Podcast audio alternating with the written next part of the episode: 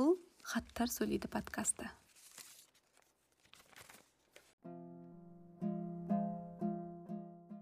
Ардақты мұхтар аға жазған хатыңызды алып өте шаттанып төбем көкке қолым қияға жеткендей болып отырмын. Хатыңызға көп рахмет. Мені әсіресе қуантқан жай сіз менің хатымды алып менің жаманды жақсылы пікіріме толық түсінгенге ұқсайсыз. Отан соғысын тақырыпқа алып еңбек етемін.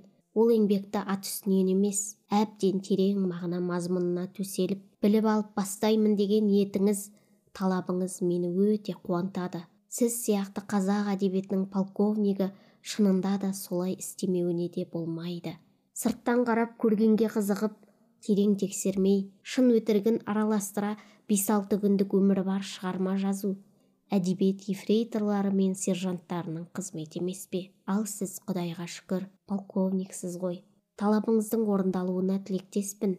Сіздің қолдан шыққан көркем тарихи еңбек болашақта жалғыз қазақ әдебиеті ғана емес барлық әдебиеттің ішінде төрден орын алып жалғыз біз емес.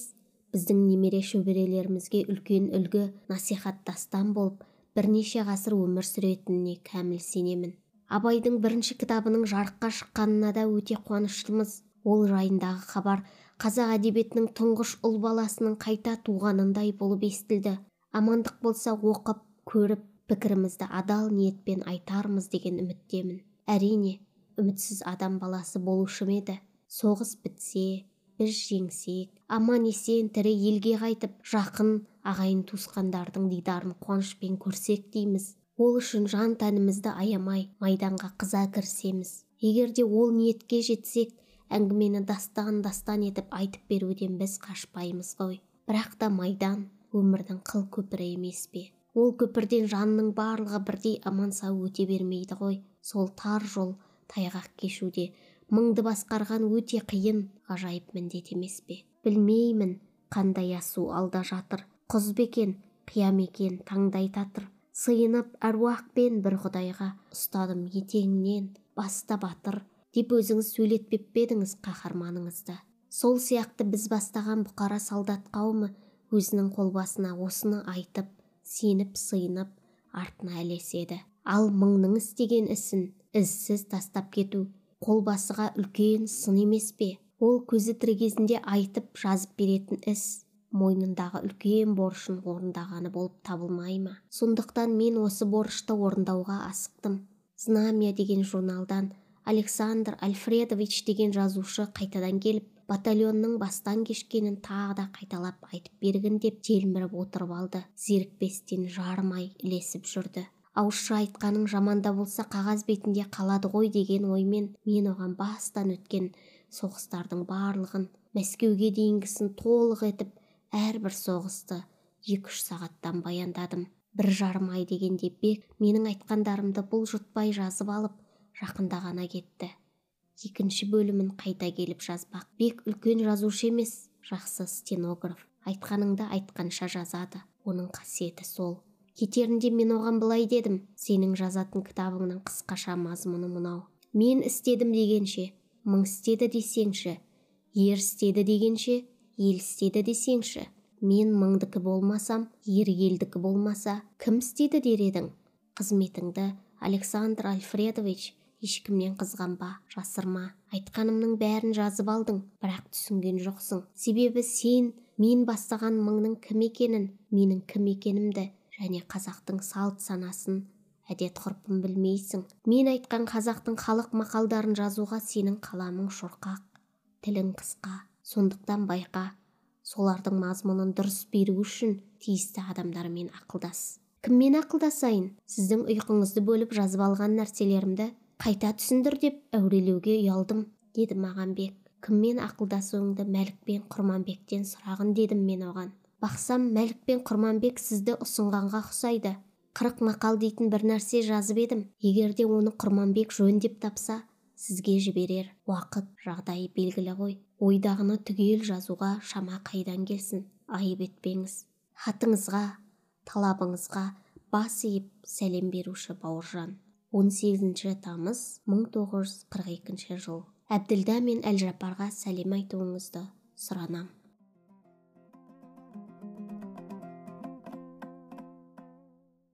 Құрметті достар сіздердің тыңдағандарыңыз батыр бауыржан момышұлының жазушы мұхтар әуезовке жазған хаты. Ұлы отан соғысы жылдары мен одан кейінгі жылдардағы бауыржан момышұлының жазған хаттары мен оған жолданған сәлем хаттардың өзі он мыңнан асып жығылған. Бұл хаттарды құрастырып баспаға дайындағанда бас аяғы он екі том болыпты. Оның алты томы батырдың 30 томдық шығармалар жинағына енген. Мамандардың айтуынша 1942 жылдан бастап мұхтар әуезов пен бауыржан момышұлының арасында он шақты хат жазылған екен. бауыржан момышұлы ұлы отан соғысына дейін жазушыны көптеген оқырмандардың бірі сияқты сырттай білген. олардың бір бірімен сырттай танысып тікелей хат жазыса бастауы да москва түбіндегі алғашқы жеңістен кейінгі кезең. сегізінші гвардиялық дивизияның ерлігі оның атақты командирлерінің бірі аға лейтенант бауыржан момышұлының даңқы әлемді дүр сілкіндірді. Ұлы жазушының назары да баукеңе осы уақытта ауа бастаған. Екі тұлғаның арасындағы алғашқы байланыс хат жазысып пікір алмасудан басталған. Мұхтар әуезовтің майдан жайлы туынды жазуын мақсат етіп жүргенін бауыржан момышұлының хаттарынан көреміз. Бауыржан момышұлы үлкен жазушының бұл ниетін қызу қуаттап ұлы отан соғысын тақырып етіп еңбек етемін. Ол еңбекті ат үсті емес әдеби мағына мазмұнына терең түсініп біліп алып бастаймын деген ниетіңіз талабыңыз мені өте қуантады. Сіз сияқты қазақ әдебиетінің полковнигі шынында да солай етпеуіне болмайды деп жазады. 1942 жылғы 18 тамыздағы хатында.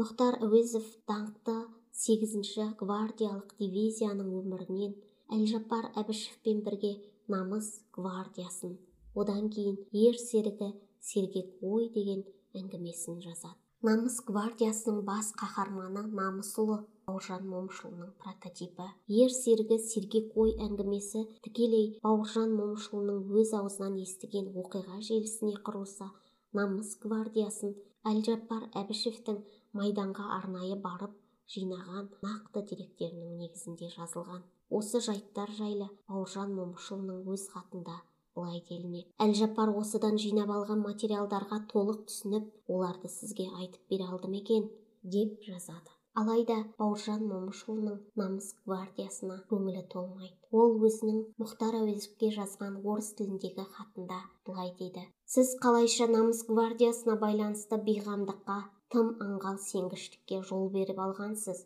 сіздің көркемдік қуаты күшті. Бай орамды ұтқыр. Тұшымды да терең ойлы айшықты талантыңызға білімсіз тар өрісті парасатсыз қосалқы авторыңыздың қосарласуы жасанды өкінішті анайы болып шыққан екен. Бауыржан момышұлы пьесада тәртіп әскери және күнделікті өмірдегі мінез құлық пен әдептілік нормалары мүлдем көрсетілмегеніне реніш білдіреді. Бұйрықтың күші оның мүлтіксіз орындалуы қайда деп сауал тастайды.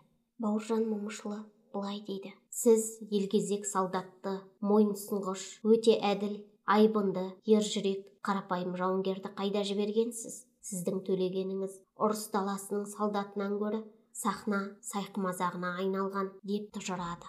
Бауыржан момышұлы мұқаңа жолдаған хаттарында қазақ жазушыларының жайы аударма мәселесі немесе александр бектің өзі туралы жаза бастаған шығармасы туралы пікір алмасып отырған. Абай романы жарық көргенде майданда жүріп үш рет арнайы хат жазып романды аса жоғары бағалайды. Құрманбек сағындықовтың 1938 жылғы 20 қаңтарда бауыржан момышұлына жазған хатында былай дейді. Мұхтар әуезов дін аман ел басына туған лаңнан әзірге аман есен жүріп жатыр. Бұл лаңға сәкен ілияс бейімбеттер ілінді. Оның абай романы әлі жарыққа шыққан жоқ. Шыққаннан кейін бір данасын өзіңе салып жіберермін осы жазғанына қарағанда бауыржан момышұлы абай романының шыққанын күтіп жүргендердің бірі болған. 1942 жылғы 8 тамыздағы хатында абай романы баспадан шықты деген хабарды естіп бауыржан момышұлы қуаныш сезімін білдірсе 1942 жылғы 18 қазанда жазылған хатында роман жөніндегі пікірін бүкпесіз жазады. Абай романы жарық көргеннен кейін әуезов кітаптың алғашқы даналарының бірін бауыржан момышұлына арнайы жіберіп одан пікір сұрайды. Романды оқып шыққаннан кейін аз уақыт ойын жинақтап батыр әуезовке хат жазады. Абайдың бірінші кітабының жарыққа шығуына да өте қуаныштымыз. Бұл хабар қазақ әдебиетінің тұңғыш ұл баласының қайта туғанындай болып естіледі. Амандық болса оқып көріп пікірімізді адал ниетімізбен айтармыз деп үміттенем дейді ол. Кейіннен абай романы бауыржан момышұлының қолына тиіп ол кітапты оқып шыққаннан кейін өзінің пікірін тағы қосымша жолдайды ол абай романын мәлік ғабдуллиннің аталас туысы артиллерист таймасовтан алғанын баяндайды. Мен және мен сияқты бұқара оқушылар үшін орта жастағы абай жасып келіп қалған абай қарт абайды ғана танитынбыз абай бала кезінде жасөспірім жігіт кезінде қандай абай болды екен қалай тәрбиеленіп көзқарастары данышпандығы қайдан суарылып қайдан дәм татып қалай гүлдеп қалай мәуеледі екен? Абай анадан жиырма бестегі жігіт бойынша туған жоқ қой яки аспаннан. Данышпандық ақындық асыл қасиеттермен түскен періште емес қой. Пайғамбар да емес деген сұрақтарды бірнеше рет алдымызға қойып еш жерден әдебиетшілерден тарихшылардан жауап таба алмай шаршап шалдығып күте күте қойған болатынбыз. Сізге мен таныс та тамырда емеспін қошемет етіп. Жалпақтанар жайым жоқ. Мен солдаттың ерлігіне ептілік шеберлігіне әдіс айласына дұрыс әділ баға беріп үйренген солдатпын. Мен сізге сіздің жазған тарихи абайға көзқарасымды өзгертіп ұстанған жолымнан таймақ емеспін. Көргенімді өзімше айтпақпын. Абай өте көркем шеберлік арғымақтай сынды тап тұйнақ пысық қысқа өте мәнді өте мазмұнды артық сөзсіз қазақтың жалпақ әдемі жұмыр тілімен жазылыпты.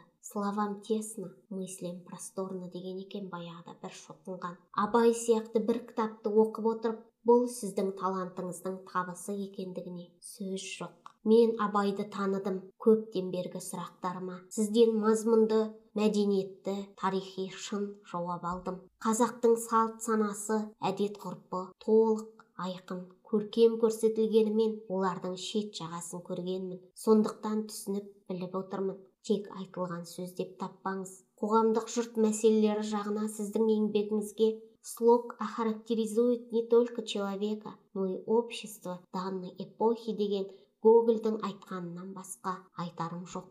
Әзір абайды оқып парақтап отырып ең аяғында мазмұны деген бетті оқып отырып біраз кейін шолып қарасам қайтқанда хат қабатта өрде қияда деген аттар тек жазушының қоя салған аты емес көрінеді ау. Оларда мән бар екен. Оныңызға да аз ғана болса да түсінгендей болдым ау деймін. Бұрын олар ойыма да келмепті ғой. Жаңа ғана білсем не істерсіз? Менің қысқаша пікірім осылайша деп абай романына қатысты бауыржан момышұлы пікір білдіреді. 1943 жылы желтоқсан айының соңында алматыға майданнан оралған гвардия полковнигі бауыржан момышұлын қазақстан халқы құшақ жая қарсы алады. Мұқаң майданнан келгеннен кейін бауыржан момышұлымен алғаш рет кездесіп сұхбаттасады. Сый қонақ ретінде арнайы шақырған жыр алыбы жамбылдың үйінде баукеңмен бірге болып оның тек атақты даңқы шыққан батыр ғана емес терең ойлы пікірлі азамат екеніне көз жеткізеді. Содан кейін қазақ сср ғылым академиясында академия басшыларының ұйымдастыруымен тарих әдебиет өнер қайраткерлерінің таңдаулы шағын тобына бауыржан момышұлы өткізген алты күнге созылған әңгіме дәріске мұхтар әуезов те белсенді қатысады. күні бойы оқылып бір аптаға созылған осы әңгіме дәрісті әуезов ерінбей жалықпай қалың дәптерді толтырып орыс тілінде конспектлеп қағазға түсіріп отырған әуезовтің осы жазбалары бауыржан его беседы лекции читанные в течение шести дней января 44 года деген тақырыппен мұхтар әуезовтің әдеби мемориалдық музейінің архивінде нөмірі 409 папкада сақтаулы тұр. Дәріс кезінде бауыржан момышұлы әскери терминдер мен сөздерге кейбір теориялық ұғымдарға түсініктеме беріп негізгі тақырыптан ауытқыңқырап отырмын осының қажеті бар ма дегенде мұхтар әуезов былай деген. Осыған дейін қалай айтып келсеңіз солай жүргізе беріңіз. Біз бәріміз де әскери адамдар емеспіз. Комментариялау неғұрлым көп болған сайын біз үшін жақсы. Сізге белгілі нәрсе болып көрінсе де бізге белгісіз. Біз әскери ғылымның тіпті әліппесінен бастап білуге құштармыз дейді дәріс үстінде. Осы хаттар мен естеліктер арқылы мұхтар әуезов пен бауыржан момышұлының арасындағы әдеби шығармашылық байланыс жайлы толық білуге болады. Бауыржан момышұлының қоржынында сақталған хаттар бізге осылай сыр шертеді. Қадірменді достар сіздердің тыңдағандарыңыз хаттар сөйлейді подкасты. Микрофон алдында оның авторы және жүргізушісі мен камшат әбдірайым. Подкасттың осы эпизоды юсейттің көмегімен медиа кэмп орталық азия бағдарламасы аясында дайындалды. Ақпараттың мазмұнына подкаст авторы жауапты. Және ақпарат юсейттің ақш үкіметінің немесе интерньюз ұстанымына сай келмеуі мүмкін. Құрметті достар егер подкаст сіздердің көңілдеріңізден шықса әлеуметтік желідегі парақшаларыңызға бөлісіп қазақ тілді контенттің дамуына таралуына өз үлесіңізді қосыңыз. Келесі кездескенше аман сау болыңыз.